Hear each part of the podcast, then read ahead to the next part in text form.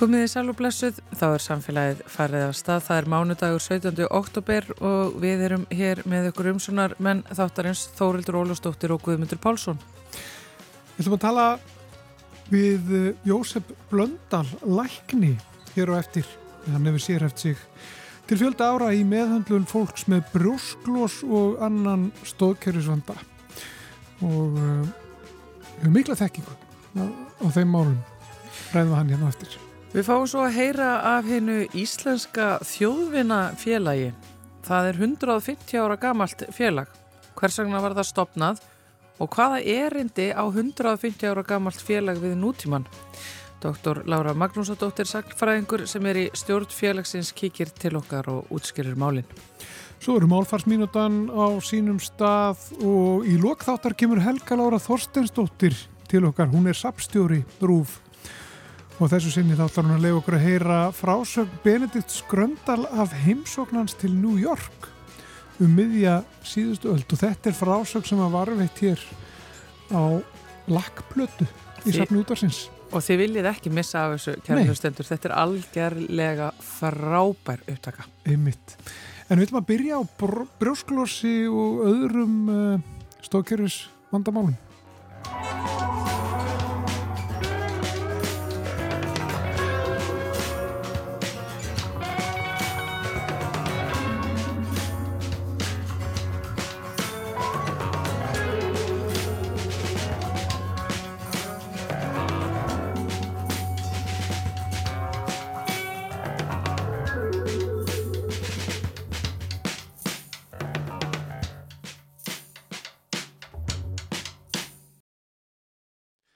Þannig sestur hérna hjá mér Jósef Blöndal uh, skurleiknir sem að um, í gegnum árin hefur sérhæft sig í uh, meðferð uh, og svona yngrippum ímsum vegna til dæmis brúskloss og, og annara stóðkerfis vandamála.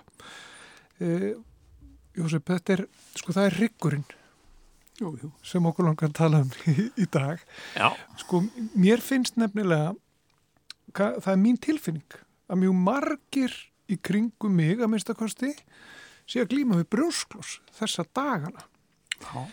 og þess að langaði með að spurja þig kannski fyrir þeirra hönd, ég veit það ekki hvað er að gerast? Já, ég náttúrulega veit það ekki sko og við, við vitum stramtekið ekki af hverju við fáum bakverki, af hverju hinn upprétti maður fær bakverki uh, sko við vitum hins vegar að vilt, viltir ferfætlingar, þeir fá ekki bakverki. Þeir eru ekki með bakvandamál.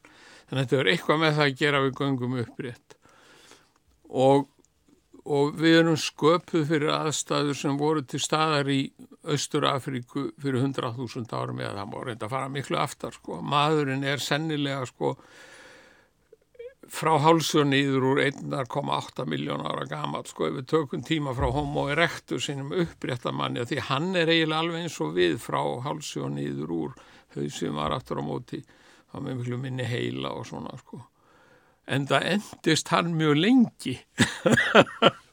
Hann, hann, hann lifir í, í miljón ár homo erectus. Gera aðri betur. En sko sko það er búið að rannsaka mikið veiðmenn og safnara. Bæði sko kongaættbálkin í Kalahariðmörkinni Masai mennina Sambúru heitir einn og, og svo framvegið sko. Og það sem að einkenni þetta fólk það er hvað það er fríst að það er löst við sko, það er náttúrulega löst við okkar menningasjúkdóma eins og síkusíki og háanblóðhusting og, og allt það dótar í en það er líka mjög fríst líkamlega og, og uh, maður veldi svolítið fyrir sér hvort það hafi eitthvað með það að gera þetta fólk er mjög mikið á reyfingu. Uh, rannsók sem var gerð á kongaættbalknum fyrir margt löngu þegar þeir í raun og veru eða þau byggu við þessar aðstæður sem, sem sko veiðmenn og safnar hafa búið við í árþúsundir að þá kom í ljós sko að, að að eh, kallarnir þeir gengu þetta 16 til 25 km á dag og konurna 9 til 12-15 sko. það er að segja sko þetta fólk var bara alltaf á reyfingu og ég er ekki að tala um hlaup og liftur og einhverja sko líkansræktar takta sko þetta er bara þessi almenna reyfing og hún gerur okkur virkilega gott og, og rannsóknir sína það að, að þeir sem að eru eru duglegir að reyfa sig uh, fá síður stóðkefisverki almennt. Þannig að það er nokkuð sem er alveg full ástæði til að mæla með, ég er ekki að tala um sko einhver átök og læti og Iron Man eða eitthvað svo leiði sko. Reynda sína rannsóknir sko að þegar maður, þetta er svona eins og öfugt u sko að, að, að það er gagnað hreyfingu upp af þessu marki og ef maður fyrir að hreyfa sig meira þá er, þá er eiginlega eru hérna eru uh, afleðingandar mjög neikvæðari.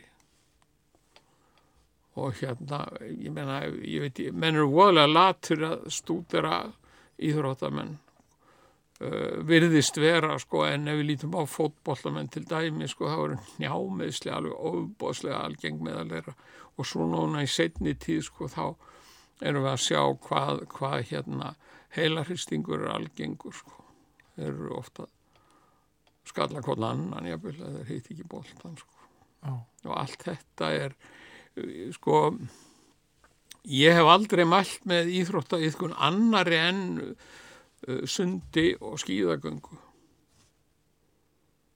Magnús Skeving ég held að vera hann sem saði um skýðagönguna að þetta væri svo íþrótt sem reynir mest á líkamann og maður notar alla vöðva nema tunguna.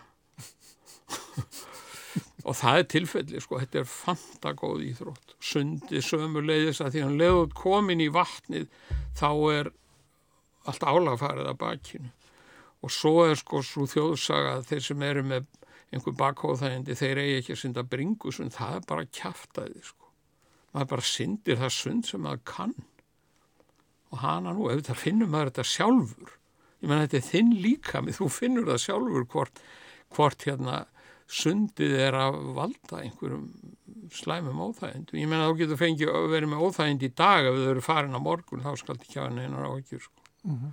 Og, og reyfing almennt sko. Svo við förum upp í heilabúið þá, þá er sko partur á okkar heila er er, er eiginlega eins innréttaður og hann er í simpansa það er þessi gamli hluti heilans. Og sá hluti heilans, hann segir okkur þegar við fáum einhverja verki, feldu þig, farðu og leggstu niður þar sem enginn sér þig, annars verður jétin. En ef við, við stöldurum að þessu brjóskloss, hvað er það? Sko, liðþófin, sko, hryggurinn er alveg svakalega vel hannaður. Hann verður til fyrir 540 miljónum ára, hann verður til á undan heilanum og síðan sko fáum við fyrstu landdýrin sem skrýða á land þetta fyrir 380 miljónum ára og, og hryggurinn er alltaf láréttur. Svo gerist það fyrir 6-7 miljónum ára, hann er alltaf reistur upp um 90 gráður og menn deila um það hvort að sko, hvort að forfæðir okkar þá og okkar og simpansana, hvort hann hafi ekki verið bara, nú erum við að deila um það sko, mannfræðingar rífast mikið sko, að, að hérna sko hvort að þessi sameigilegi forfæðir okkar hafi ekki verið tvífættur.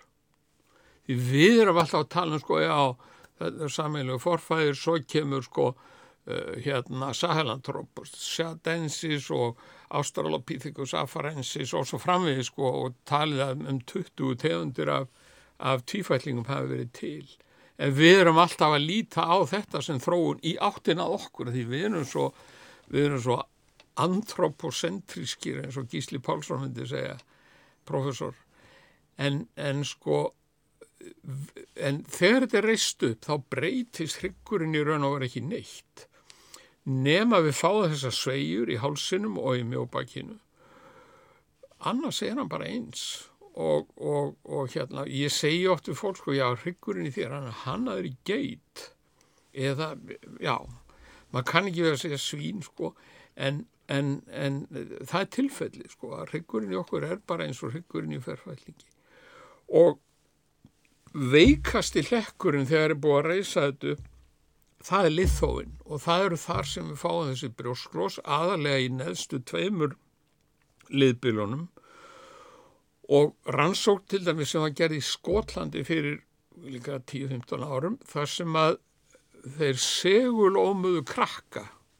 Og þá sáu þeir sko breytingar í liðþóanum í nýjára bönnum sömu breytingar á maður sér í fullornum sem að segja manni það að þetta byrjar rosalega snemma. En sko skemdu liðþói þýðir ekki endilega að við fáum verki en það er þar sem brjósklósi verður til. Liðþóin hann er samsettur eiginlega gróft séð úr tveimulhutum annað er eins og svona hvað maður segja eins og, og afmynda bíldekk og svo er sko Er, sko, og hann er harður sá hluti og svo er miðbyggið, það er svona segfljótandi, það er svona eins og þygt sílikon. Og svo gerist það að, að hérna, sko, aftari, aftasti hluti liðfóðans, hann er mun veikari en sá fremri og það stafar að því að þetta er hannað í ferfætling. Og ferfætlinga þeir standi ekki og beigja sig sko þeir eru ekki að reyna á hryggin þannig að sko átæki fari hvað að segja í aftari hluta liðfóðans en það er það sem við gerum. Og í talningum sko nútíma maðurinn sem er alltaf sitjandi, hann getur ekki beitt mjöðmyndnar og það sem gerir svo er að þessi aftasti hluti liðfóðans, hann gefur sig og þá seittlar þessi segfljótandi kjarni út og það er brjósklúsi það getur svo þrýst á taug og þá fáum við verki en það getur líka sko uh, við getum verið með brjóskloss að það sá að hugmynduða og fyrsta sko fyrsta rannsóknin sem er gerð uh, sem bendi til þessa, hún er gerð 1967 af Hitzelberger og Witten í bandaríkjónum þar sem þeir eru sko þá er þeir búin að spröyta fytuleysanlegu skuggaefni inn í mænuvökvann og það þýðir, fytuleysanlegt, það þýðir það, það sullast hann í 8-9 mánuði sko. Þeir voru rannsaka heilan því þeir voru sérfræðingar í sérstaklega tegund af, af, af, af hérna heilaæksli. Svo, svo sögðu þessu svo anskotin ef nú fólk að ganga um með alla, þetta voru 600 og eitthvað einstaklingar sko, að ganga um með alla, alla þennan hérna, kontrast í, í, í í mænuvökkunum, akkur myndum við ekki eitthvað annað? Þeir fengu snildar hugmynd. Þeir mynduðu bakið á öllum sem aldrei höfðu fundið til í bakinu. 30% voru með brjósklós og fjöldin allur að rannsóknum setna mér og sérstaklega sko upp úr hvað maður sé að 75-80 þegar við erum komið með sko tölvisneiðmyndir og segulómanir og allt þetta. Þá er búin marg endur taka þessar rannsóknir og þetta er bara staðarind lærifæði minn James Syriax hann sagði sko 1940 eitthvað krakka mín það er allt til að taka myndir af mjóbækinu bara þið horfið ekki á þar að því að 99% af því sem þið sjáuð á þessum myndum eru upplýsingar sem hafa ekkert með verkin að gera. Bandar ekki að með vinna mikið með greiningu greininguna Disc Degenerative Disease. Þar að segja sko að þá er liðþóina smá hörna sem hann gerir með aldurinnum í okkur öllum. En þeir kalla þetta disease og svo spengja þeir fólk unnvörpum sem er eitthvað að versta sem þeir geta gert ofta tíðum, ekki alltaf reyndar. Og, og hérna uh, hérna Stuart McGill í Toronto sem er af svona þekktari sérfræðingu á þessu sviði hann hlæra þessari greiningu og segir myndur þú segja við mömmu þína you have degenerative face disease að því hún er hrukkur að því raun og veru þá er, þá er þetta er ekki meiri sjúkdómur en bara hrukkur sko. En vandaválið er, er náttúrulega útbreytt sko að því leitunum til að fólk finnur mikið til já. Eh, þegar það þjáist af, af brjósklósi í mörgum tilfellum. Já, já, já, hvað er góður. Og, og meðferð þetta rænir fólk svefni jafnvel, sko, og, og, já, og, og skerði lífskeiði á margar hátt. en, en, en, sko, en leiðir til, til að, að, að vinna bóta þessu? Um, oft er fólki á þess að sterkum merkjulegum já. Þau á að nota í mjög stuttan tím og helst sko ég gef soliðisverki og ég gef, oxykontin hef ég aldrei gefið. Ég myndi ekki gefa það óvinnu mínum einsinni, ég árendar enga óvinni. Og, og hérna, en, en sko, bólguðandi lifur er mikið nótið og lif eins og uh, hérna, parkodín, parkodín forte, tramadól og, og þessi sterkari, þessi ópjöð sem kölluð eru, þau eru ágjað til dæmis að maður getur ekki sofið svo svefnin, ef maður, ef maður er það íllahaldin af verkjum að verkinni ræna manns svefni þá virkar það eins og magnari. Þannig að það er, það er engi spurning í mínum huga, það á að gefa liv til að fólk geti sofið. En að öðru leiti þá sko, þá, þá gef ég fólki þá, þá ráðleggingu livðu lífuna eins og venjulega. Ef þú mögulega getur hrefðu þig, farði í vinnuna.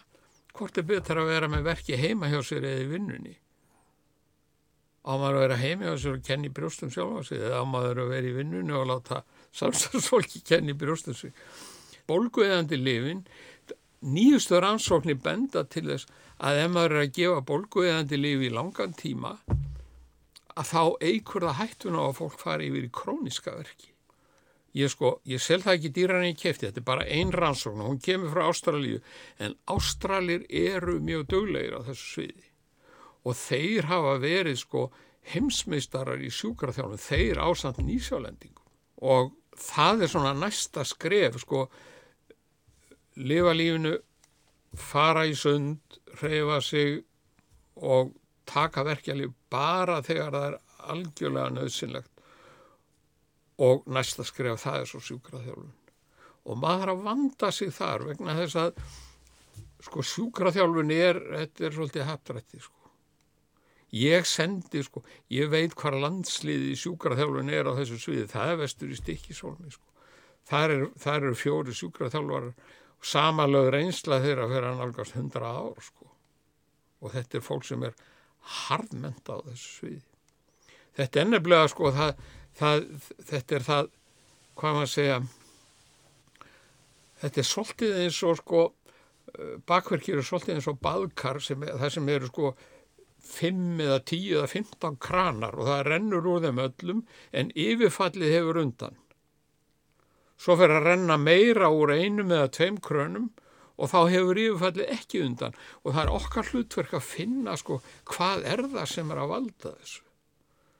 Og sko þarna spila líka inn í sko félagslegi þættir, andlegi þættir og bara lí, sko öll skilabóð sem fara til heilans og þar með talið sásökabóð fara í gegnum þennan gamla góða heila limbíska kerfið.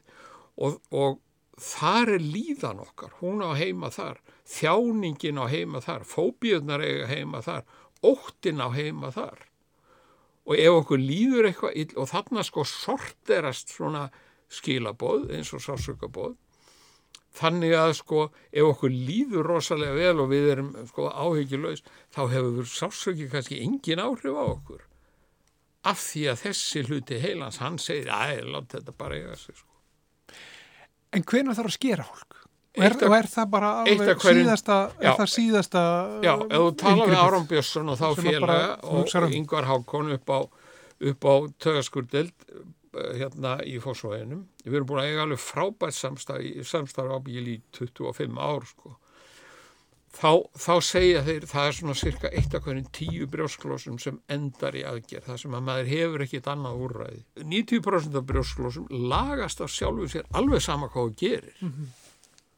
en sko meðferð okkar sem að höfum verið að sérhafa okkur í þessu hún flýtir fyrir batanum og það sem er kannski mikilagast við starfsemi háls og bakdeildar hann að vestur í hólmi að þetta er það sem kallað er annarstigs forvarnir að það er sko, þannig semst komin einhver sem er með brjósklós og hann er náttúrulega að fá viðvörun eða hún. Þannig verða, þannig líka með að segja, heyrðu það er ekki lægi með bakið þér. Og þú getur fengið þetta aftur og aftur og aftur og aftur. Og það sem að er sko mikilvægast á hlutverk okkar sem hérna meðferðar aðila, það er að reyna að koma í veg fyrir þetta sé alltaf að endur taka sig. Þessu, sko, ég lærði nikkjari ég lærði nikkingar í London. Ég, ég hætti að nota þær vegna þess að það er gefa nikkingar gefinga varalega árangur. Það er bara léttaði lífið í daga, vikur, jafnvel í mánuði sko, svo kemur þetta bara aftur. Og það er ekki það markmið okkar á að vera eins og var alveg frá upphafið þegar við stopnum þessa deild 1992, hún er svona þrítug núna í september eða oktober annarkvæm. Markmið okkar var í fyrsta lagi vinn eftir ákveðinu módeli og í öðru lagi að stefna alltaf á að, að hérna gera viðkomandi einstakling algjörlega óháðan okkur og helbiðiskerfinu yfirleitt. Þannig að geta bara séðum sér sjálfur.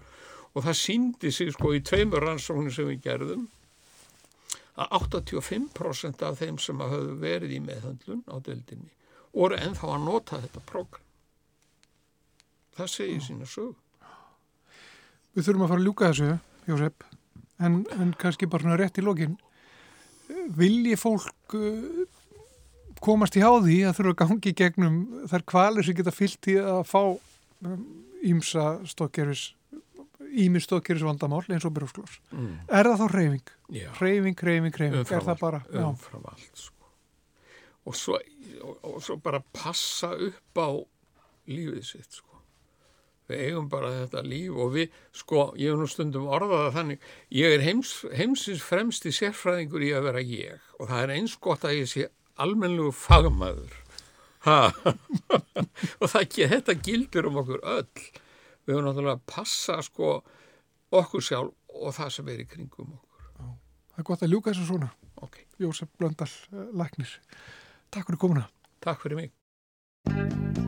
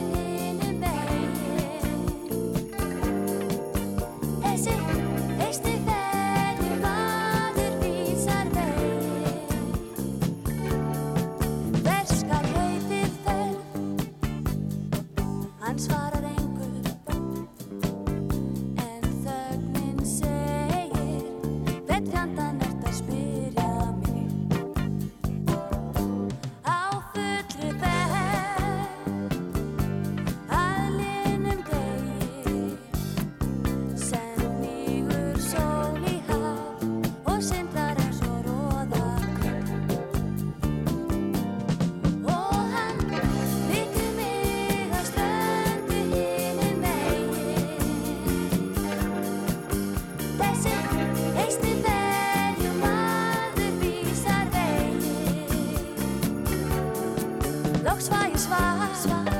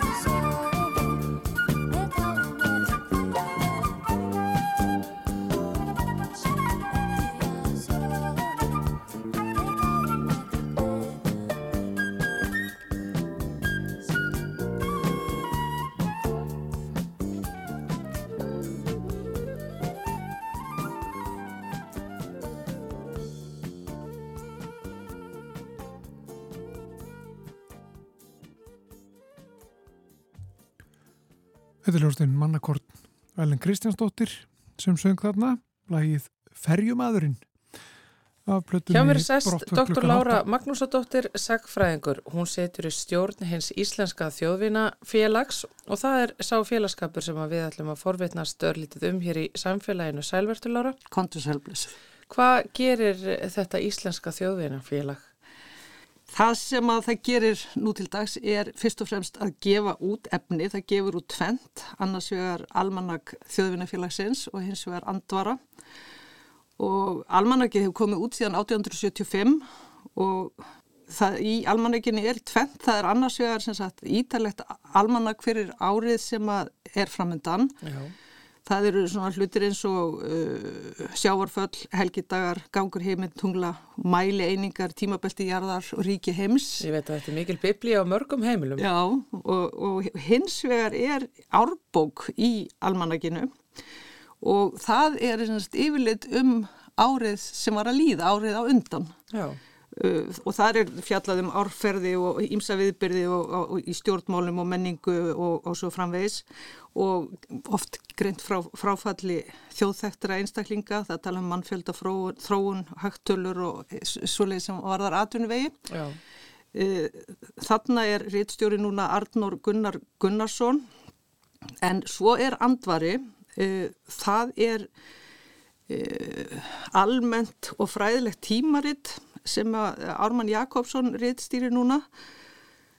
Það fjallar um sögu þjóð, þjóðarinnar og alls konar menningarmál og þetta er eitt, eitt af eldstu tímaritum Íslands og í andvara er einnig um, alltaf æfi ágrip einhvers uh, fórustumars úr þjóðleifinu sem er nýlega fallin frá. Þannig að það er semst yfirleitt ítaleg, já svona nokkuð æfi saga. Uh. Þetta hefur komið út uh, síðan 1874 með tveimur, dattniði tvö ár en sagt, þetta er náttúrulega bara orðin hérna mikið efni bara í þessum tveimur rítum sem ennur er gefin út á þess að hafa fallið niður. Já. Sko, ég veldi fyrir mér eh, svona gamalt félag af því að það er alveg hundgamalt. Er það ekki? Voruð þið ekki að halda upp á 150 ára afmæli? Jú, sem var endar í fyrra en af því að það kom koronaveiki þá já, já. Uh, frestaðist það um ár. Jú, við, það var haldið doldið hérna málþingum daginn um það sem var einmitt um um sko framtíðina. Já. Og félag eins og þjóðunafélagi getur nefnilega, þarf ekki aðeins að fjalla um uh, fortíð heldur einnig um samtíð og framtíð. Já það er heldur kannski svolítið það sem að, maður fekk á tilfinninguna þegar ég frétti fyrst að þessu þjóðunafélagi að þetta væri væri eitthvað, eitthvað fólk með uh, hausinn fastan í, í grári fornesku að viðhalda einhverju uh, sem að væri kannski ekki eitthvað sem ætti erindi við daginn í dag.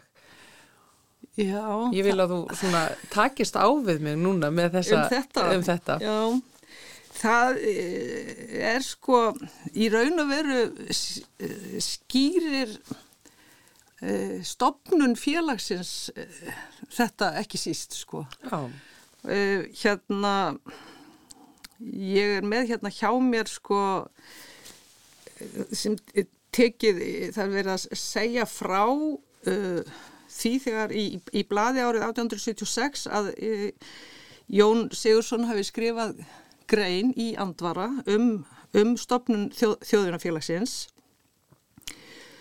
og þar segir sá sem skrifaði þetta sem er sennilega Jón Guðmundsson hann segir hérna með rítgerðinni hið Íslenska þjóðvinafélag þurfum við ekki að mæla Eh, hann að lesa og hann að skilja allir þeir menn í landinu sem láti sér nokkru skipta ekki einungist þetta félag heldur og þjóðfélag vort í stjórnlegu tilliti.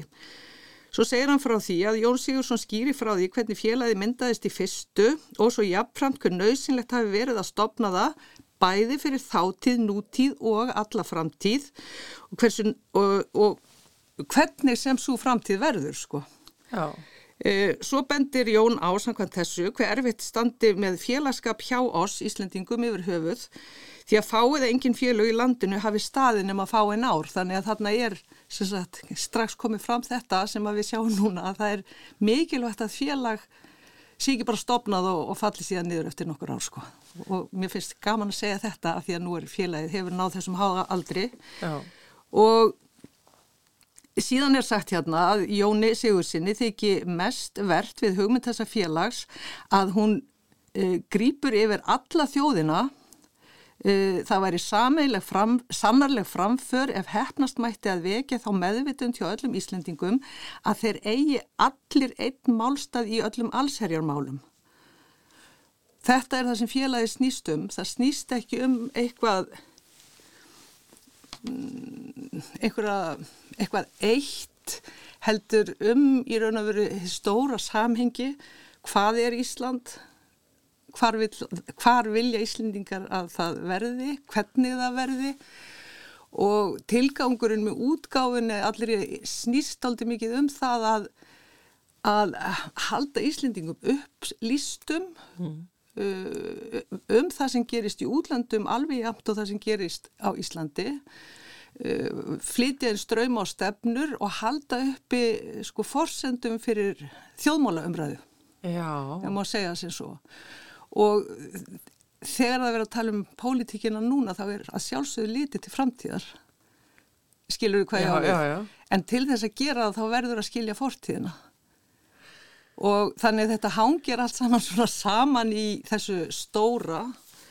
Og þannig eru þetta líka komið til stopnun félagsins því að ef ég má tala um 19. öld.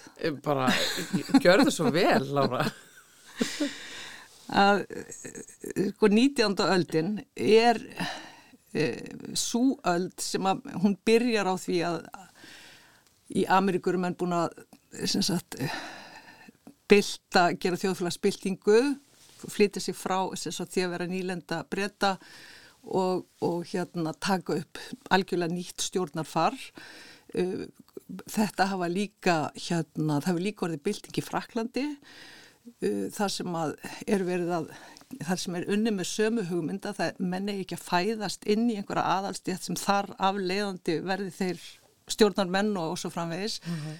uh, leggja niður uh, vald kirkjunar og í raun og veru færa vald, megin hugmyndin er að, að valdið eigi að leggja hjá fólkinu, þjóðinni á hverjum stað og þessar hugmyndir berast um alla Evrópu og það eru ímsar, ímsar, það er mjög mikið af alls konar hugmyndum í gangi á 19. öldinni og þegar það fer að líða á hana þá er allt orðið kolvittlust í Evrópu hingað og hangað og þá gerist það í Danmörku. Í Danmörku var sem sagt einveldiskonungur og hafi verið þar síðan á 17. öld og hann var konungur Danmörkur og hann var líka konungur í mjög annara landa eins og Íslands sem er bara, við skulum bara kallaða land, það er rætt um það hvaða nákvæmlega heiti þá að vera.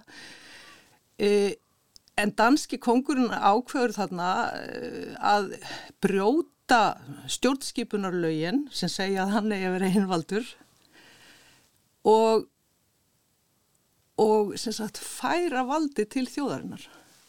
Og það er rosa mikill undirbúningur um, með þetta, þá skrifa nýja stjórnarskrá þar sem þetta er gert Og þá segja nokkrir Íslendingar og, og Jón Sigursson meðal þeirra segja bara býðum nú aðeins við. Uh, því að ef að, að, að kongurinn ætlar að færa valdið til dönsku þjóðarinnar, hvað verður þá um vald Íslendinga yfir þeim sjálfum?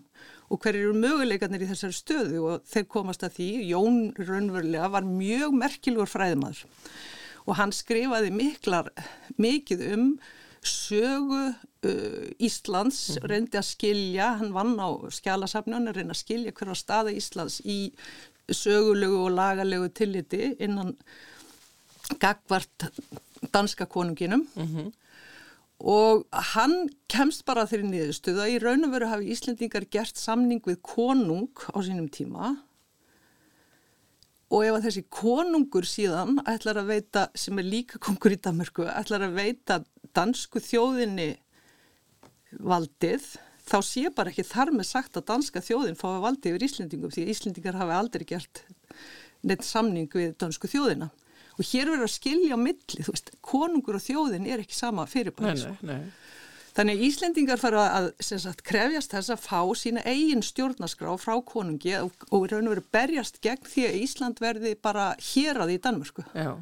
Valdalust í raun og veru vegna þess að þá eru Íslendingar eins og Jón Bente á bara kjósa Íslendinga á þetta þing sem kynni tönsku fyrst og fremst og svo væri hann bara einhverstaður í útlöndum og og þetta væri í raun og veru Íslendingar myndi bara, sko, myndi enda með því að Íslandi er ekkit synda því það er bara langt í burtu og skiptir einhver máli og þessi Íslendingur sem er á þinginu og talaði dönsku að myndi enginn þurfa að taka neitt marka á honum.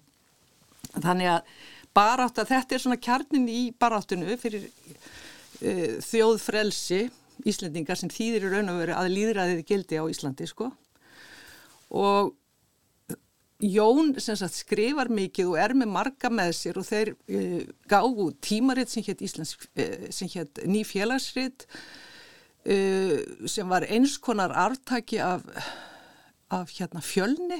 Já. Þeir gáðu út fyrsta blaðið á Íslandi sem eins og dagblaðið þótt að kemikinu út nema, hvað heitir það, einu sinni, neða aðra hverju viku. Mm -hmm og, og sagt, stopnun félagsins á sínum tíma og Jón er líka á samt einkonu sinni í raun og verið eins konar erindur ekki Íslendinga í Damörku, hann fylgist með því sem er að gerast úti, skilar því til Íslands. Og hluti af öllu þessu að stopna þetta, eða af öllu þessu eru mjög mikil fjárútlát og markmiðið með stopnum félagsins sem að í raun og veru alþingismenn gera, íslenskir alþingismenn, þeir stopnaði til að halda Jóni uppi til þess að hann geti haldið áfram að skrifa. Og það er upphaflega tilgangun þetta er daldi leinifélag til að byrja með en verður síðan sérst úr að það eru að alþingi styrkir þjóðvinnafélagið uh, til útgáfu og þetta verður síðan í framhaldinu þegar að, mjög mikilvægt og þegar að Jón er fallin frá að þá heldur þetta félag mjög lengi áfram að gefa út alls konar ritt og bækur og svo framvegis og langt fram eftir 20. öldin í raun og veru og ég held þótt að ég sé nú kannski ekki best til að segja frá því að það falli ekki nýður að neinu ráði að því nú er þetta tvent eftir sko andvari og almanækið að ég held að það hafi verið kannski bara þegar erum komin mörg önnur útgáfufélög og, og, og svona orðin almennari samkjöfni á útgáfumarkaði og í bókmentum og svo framvegis að þá, þá missir þetta að einhver leiti þennan tilgang sem það hafiði En það hafi líka tekið þátt í að byggja upp þennan vettvang sem er politísk umræða, fræðileg umræða í landinu og halda henni mm, sem sagt á ákveðnum standard ef maður má segja það sko. Og er þessi standard þá eitthvað sem að þið eru að viðhalda enn þann dag í dag, 150 árum eftir stopnun félags? Er það úreldist Vist, ég veit að það er það sem þú ert að segja, það, er, það hljómar eins og þetta úreldist ekki hérna grundvöldurinn. And, andvari hefur alveg haldið áfram að vera mikilvægt eh, innlegg í, í sagt, bara alls konar menningar umræðu og svo framvegis og, og ég til að það sé bara á ansi góð róli núna, það, það gæti samt, það mætti aukast, mm. það er orðið meiri vafi með sko hvernig almanakið virkar og tímabili var sko þjóðinafélagi með engaleifi á útgáfi og almanaki í bókaformi skilur og eitthvað svona sem er, eh, það, það er kannski meiri eitthvað sem að, að hugsa um en, en ég held að þessi það sé mögulega, ég segi nú ekki neitt en mögulega er bara þurfa því að auka útgáfi á, á hérna gefa í útgáfina hjá þjóðunafélaginu þess vegna sko, það bara þarf alltaf að skoða hverjum tíma. Það er allavega einhver fegurði yfir því að svona félag sem er svona gamalt og er með þessa miklu sögu sé að gera sig gildandi í nútíma þjóðmála umræðu og, og sérstaklega mitt í tilutna 150 ára amali félagsins að þið málþingið ykkar hafi verið bjart síni spá fyrir árið 2071. Sem verður 200 ára amalið. Já, sem verður 200 ára amalið, þannig að það er verið að horfa fram á við en staði svona á einhverjum gamlum tröstum grunni. Man sér þetta ekkert neitt rosalega mikið og oft í dag, Lára? Nei, nei. Svona hluti? En það kannski bara er í einhverju öðru formi en það er gott að það sé til á mörgum formum sko og ymsum stöðum og ég held það. Já. Dr. Laura Magnúsardóttir, eh, takk hjálpa fyrir að koma hérna til okkar í samfélagið með smá einkinningu á hennu Íslenska þjóðvinafélagi til að mikið með ammalið og, og áfram veginn. Já, bara sumulegist takk.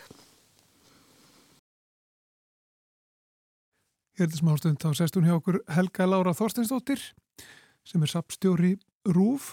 Hún ætlar að leiða okkur að heyra eitthvað uh, gammalt og gott úr sapninu. En fyrst fá að heyra eina málfarsminútu.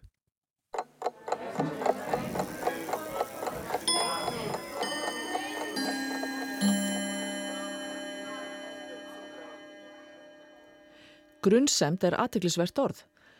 Það er eiginlega engin merkingarmunur á því og orðinu grunur. Hvers vegna var það eiginlega til fyrst orðið grunur var til? Var einhver þörf fyrir það? Því verður ekki svarað. En kannski var það til út frá lýsingarorðinu grunnsamlegur.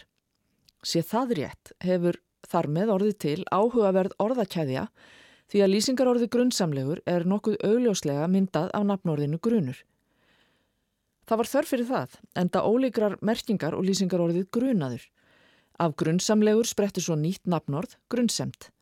Þetta kann að verðast langsótt kenning, en hún er þó stutta því að í rítmálsafni aðnastofnunar er elsta dæmi um grunnsemt all nokkru yngra en elstu dæmi um orðin grunur og grunnsamlegur. Önnur samheiti við orðið grunur eru til dæmis evi og evasemtir, tortrygni og óvisa.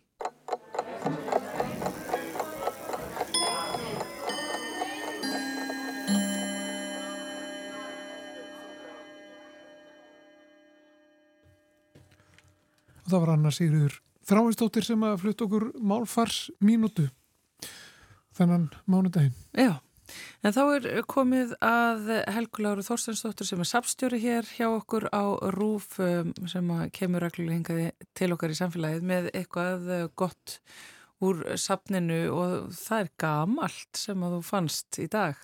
Já, í, ég held að það sé mögulega eitt af eldstu brotunum sem ég hef komið með hérna inn í samfélagið. Það er að lakkplötu. um, það er, sem sagt, segir á plötunni að upptakan sé frá 1953 en ég er ekki alveg vissum að það sé rétt ártal. En þessi upptaka er stór skemmtileg, finnst mér, og svolítið fróðleg.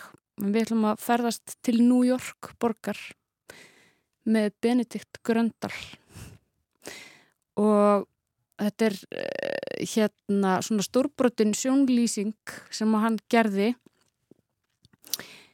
Um, hann segist þarna í upphafi vera búin að vera viku í borginni en það er ekki örgrandum að hann tali með hreim. Og svona þetta á að gefa hlustendum mynd af uh, þessari stórborg uh, og hljóðmyndin er ótrúlega flott finnst mér, það eru bílflöyt og það eru læti og hann gengur um, hann byrjar sérst á því að, lýsa innsiglingunni inn í, inn í borgina og svo lýsir hann skipurlæginu og hann gengur af stað fótgangandi, fer með neðanjarðar lest þarna á milli stöðva, lýsir því hvernig maður borgar í lestina og svo framvegs. Svo endar hann einslæð á næturklubnum Iceland Restaurant Air Cooled mm. eða Hotel Ísland Vesturheims eins og hann segir. Og samkvæmt því sem ég las á internetinu þá er þetta mjög vinsall staður þar sem að hægt var að fá skandinaviskan mat, smörbröð og síld og svo leiðis.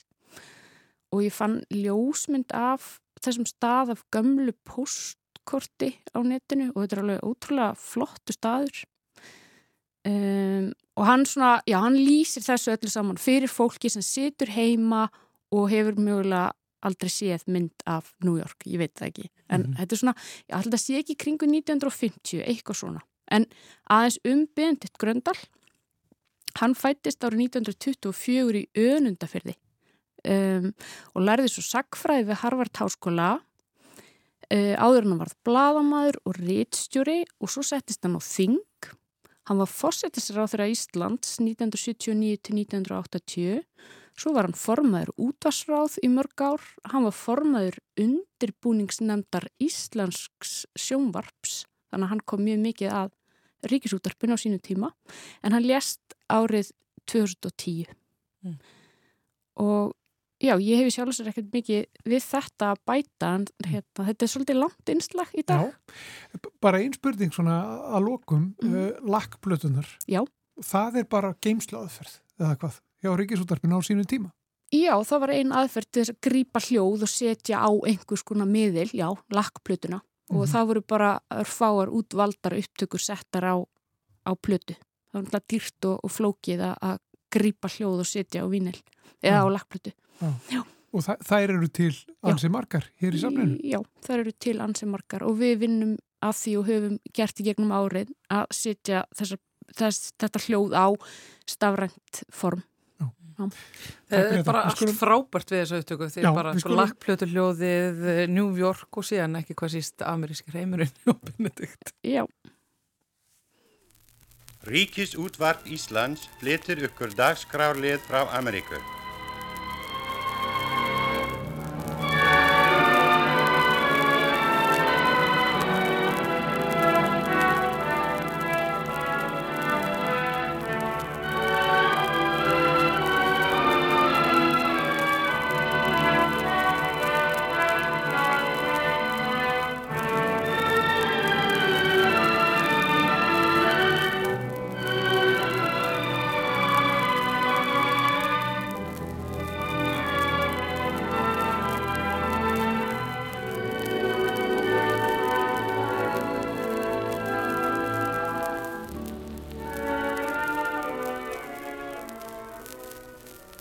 Þetta er Benedikt Gröndal sem talar.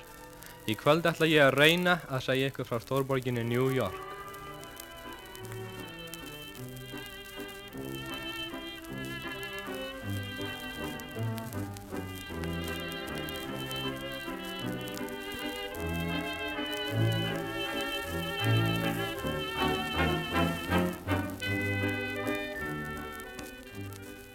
Ég hef búin að vera hér tæplega viku og hef haft að döðþreyttur á hverju kvöldi því að ég hef farið víða og séð margt.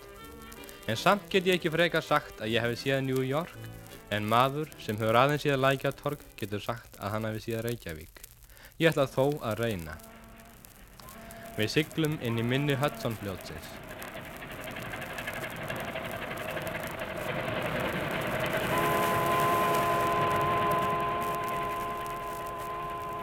Littlu fossarnir okkar siglaði upp eftir Hudson-fljótinu upp að Manhattan, eiginni sem hefur að geima svo mörg af furðuverkum nútímans. Þessi eigi er hjarta New York borgar og á henni eru öll mannvirkin sem borgin er frægust fyrir. Eigin er að milli Hudson-fljótsins og Austurár eða East River, 22 km laung, rösklega 4 km þar sem að hún er breyðust. Neðst við Manhattan eru nokkrar smærri eigjar og á einni þeirra er frelsistittan þið hefðu öll hýrt getið um og séð myndir af. Neðst á Manhattan eru flesti skíkljúvarnir sem svo frægir eru. Þeir gnæfa þar við híminn þegar bjart er yfir en þegar þoka er sérst ekki upp í topp á þeim. Flestum verður starfsýnt af þessi risa hús en það er margt annað sem fyrir augun ber. Margar geysi stórar brýr tengja Manhattan við meginlandið þar sem borgarhlutarnir Bronx, Jersey og Brooklyn eru.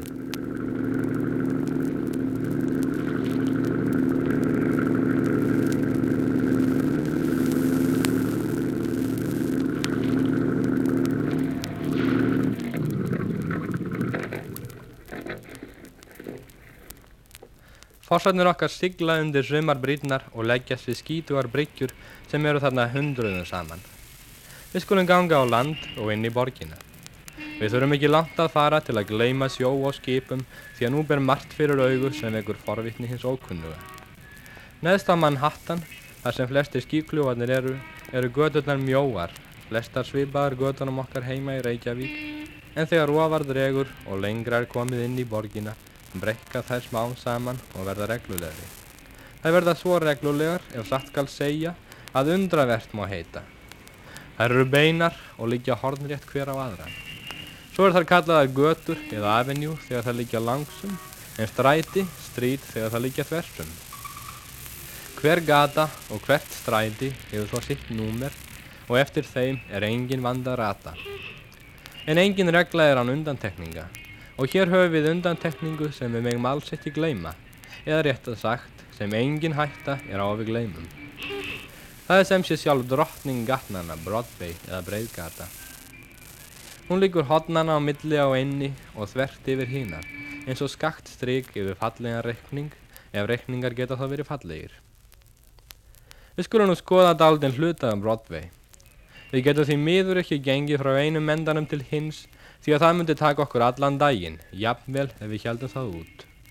Við skulum skoða þann hlutan af Broadway sem frægastur er, en það er rösklega frá 34. götu upp að 59. götu. Þetta eru 25 blokkir, eins og þeir kallaði hér. Eftir gangi frá Lækjatorki, eftir Östustræti, út í Aðalstræti, myndu það vera tvær blokkir.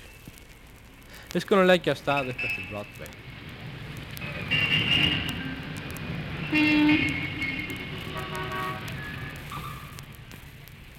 við lítum fyrst inn eftir 34. götu sjáum við hæsta hús í heimi, Empire State bygginguna. Húsið er yfir 100 hæðir og það tekur aðeins 2-3 mínútur að fara upp á efstu hæði liftum. Í húsinu er fjöldi verslana og veitingastada þar sem að hægt er að kaupa allt sem nafnum og ákoma. En við skulum ekki orðlengja um skíkljúfana því að sannleikurinn er sá að það eru alls ekki þeir sem mest áhrif hafa á Íslandingin sem gemur til New York. Allir hafa séð myndir af þeim og þeir eru alveg eins og myndirnar. En það eru þúsundur annar að hluta, smáadriði sem New York búinu þykja sjálfsögð og ómerkileg sem vekja aðtegli gessins. Tökum til dæmis umferðina. Hlustu þið bara á hana.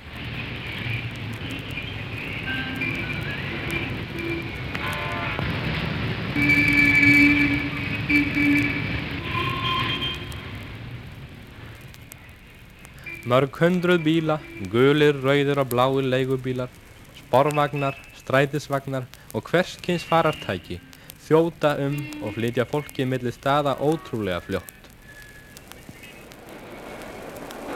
Og gleymum ekki neðanjarðavögnunum. Þeir fara eins og kolvi væri skotið eftir jarðgöngum undir gödónum og eru hraðasta farartæki sem New York á því að þeir eru óháður umferðinni. Við skulum ganga niður í eina af neðanjarðastöðunum og litast um. Við göngum niður breyðar tröppur og komum í víðan geim þar sem ekki er ólíkur járnbrautastöð úti til sveita. Lágt undir loft, vitt til veggja, súlur um allt. Þarna eru bladasölubúðir, selgætis og blómaverslanir og alls konar aðrir verslunarstaðir. Stöðvarpallinum er skipt í tvent sem kalla mætti ytri og innri pall. Skilrúmið er röð af litlum hliðum með fjórum armum eins og notuður í barnagörðum heima. En við komumst ekki gegnum hliðin aðeins að stinga peningi gata þeim. Þá færast þau aðeins svo að einn maður getur komist í gegn. Svo kemur lestin þjóðandi að pallinu.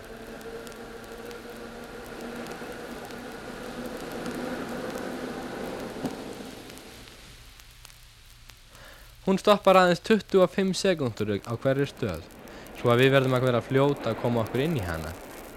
Hún fer með alltaf 60 km hraða á klukkustund milli stöðva, en á næstu stöð förum við út úr og göngum aftur upp í sólskinnið. Hér uppi á Broadway er búð við búð, kvikmyndahús, matsölustaðir, næturklubbar, skotsalir, bladaskúrar, allt í einni bendu hvert við annað og hvert sem litið er úr allt og grúur af auglýsingum. Á kvöldin eru auglýsingarnar á neðstu hæðum húsanna lístar upp. Þar sem eru hærra uppi hafa verið myrkvaðar vegna stríðsins. Við göngum yfir Times Square, krossgöður heimsins eins og torgið stundum kallað. Þar eru byggingar stórblæsins New York Times og af því ber torgið nafn.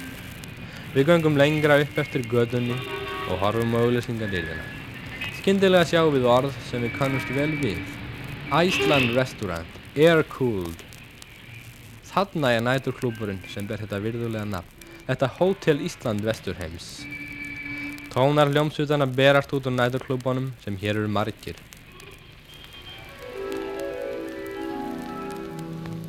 It started all over again the moment I looked in your eyes.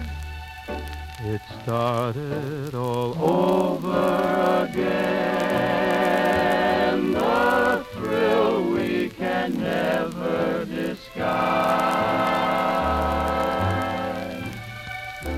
the day that we parted, so broken hearted, will never return again.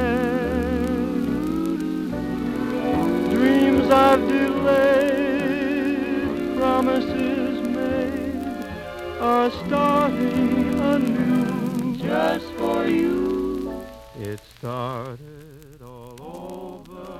Við skulum nú sjá hvernig um er að litast í næturklubnum. Við göngum niður langar tröppur þar sem allt er fullt af myndum af söngvörum, hljómsveitarstjórum og dansmögjum sem skemmta. Æsland er, eins og flesti næturklubarnir, í kjallara. Látt undir loft en frekar rúmt. Heil hersinga fólki tekur á mót okkur. Þarna er maður við dyrnara til að opna bíla. Það eru stúlkur í fatageimslum, stúlkur sem reyna að selja okkur eitt hvað, dúkkur eða síkarettur, stúlkur sem vilja taka mynd af okkur fyrir dollar, menn sem bursta okkur að strjúka fyrir nokkur sent og loks menn sem vísa okkur til sætis. Það eru auðvitað bar í einu hotni salsins og danspallur á miðju gólfi. Þar dansa nokkrar hræður, meðal annars heilmikið að hvem hvert við annað. Piltarnir eru að berjast út í heimi, svo við verðum að skemmta okkur eins vel og við getum, segja þær.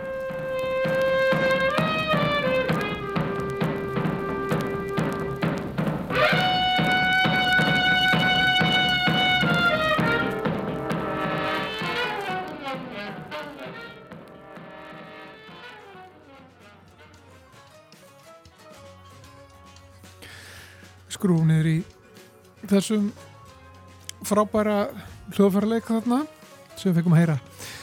E, af þessari upptöku frá, í kringum miðja síðustu öld kringum árið 1950 þetta var Benedikt Gröndal að segja frá heimsókn sinni til New York sem var nú halsi viðburðarík heimsókn, heyrðis mér. Já, algjörlega frábær upptaka, skemmtileg hljóðvinnsla dregin upp þarna stórkostleg mynd af stór, stórkostlegri borg. Já, og þetta er upptakar sem er varveitt hér í safni Ríkisútarsins á lakkplötu eins og margar uh, góðar upptökur eru, Já. gamlar.